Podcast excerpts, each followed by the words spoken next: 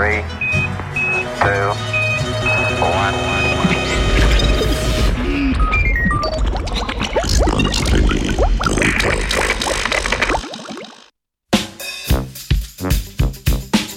Bakterije za vsako dojenčico in dojenčka. Prenos mikroorganizmov iz materinega blata popravi razvoj črevesne mikrobiote pri dojenčkih, rojenih s carskim rezom.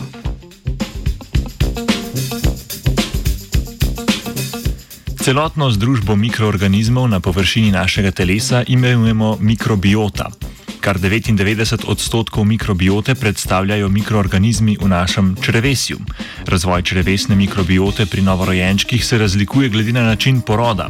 Pri vaginalnem porodu namreč pride do neposrednega prenosa organizmov, tudi fekalnih, iz materine dojenčka, pri carskem rezu pa tega prenosa ni.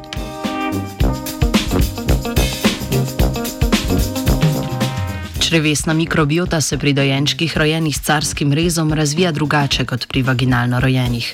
Običajno v najzgodnejšem obdobju življenja v črevesni mikrobioti prevladujejo materine fekalne bakterije, predvsem bakterije iz rodov Bifidobacterium in Bacteroides. Kolonizacija novorojenčka z mikroorganizmi je pomemben proces, ki vpliva na zdravje tudi pozneje v življenju. Pri otrocih rojenih s carskim rezom obstaja večja verjetnost, da bodo imeli zdravstvene težave, kot so denimo kronične vnetne bolezni.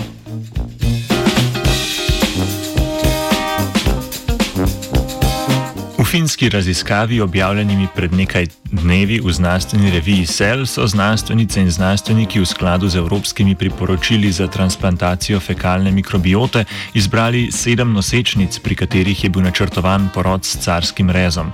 Po porodu so novorojenčki skupaj s prvim obrokom materinega mleka prejeli razrečeno blato svoje matere.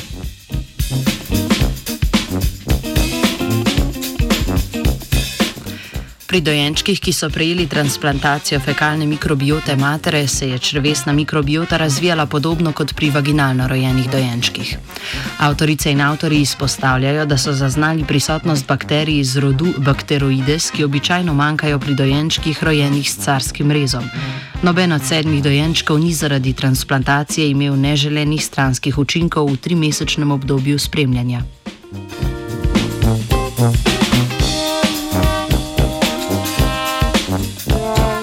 Finska raziskava nakazuje, da se s transplantacijo fekalne mikrobiote lahko popravi razvoj črevesne mikrobiote pri dojenčkih rojenih s carskim rezom.